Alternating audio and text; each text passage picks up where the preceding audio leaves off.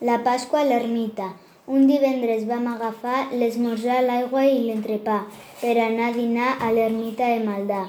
A l'ermita vam esmorzar una mona ben gran, vam fer uns jocs i després l'entrepà vam menjar.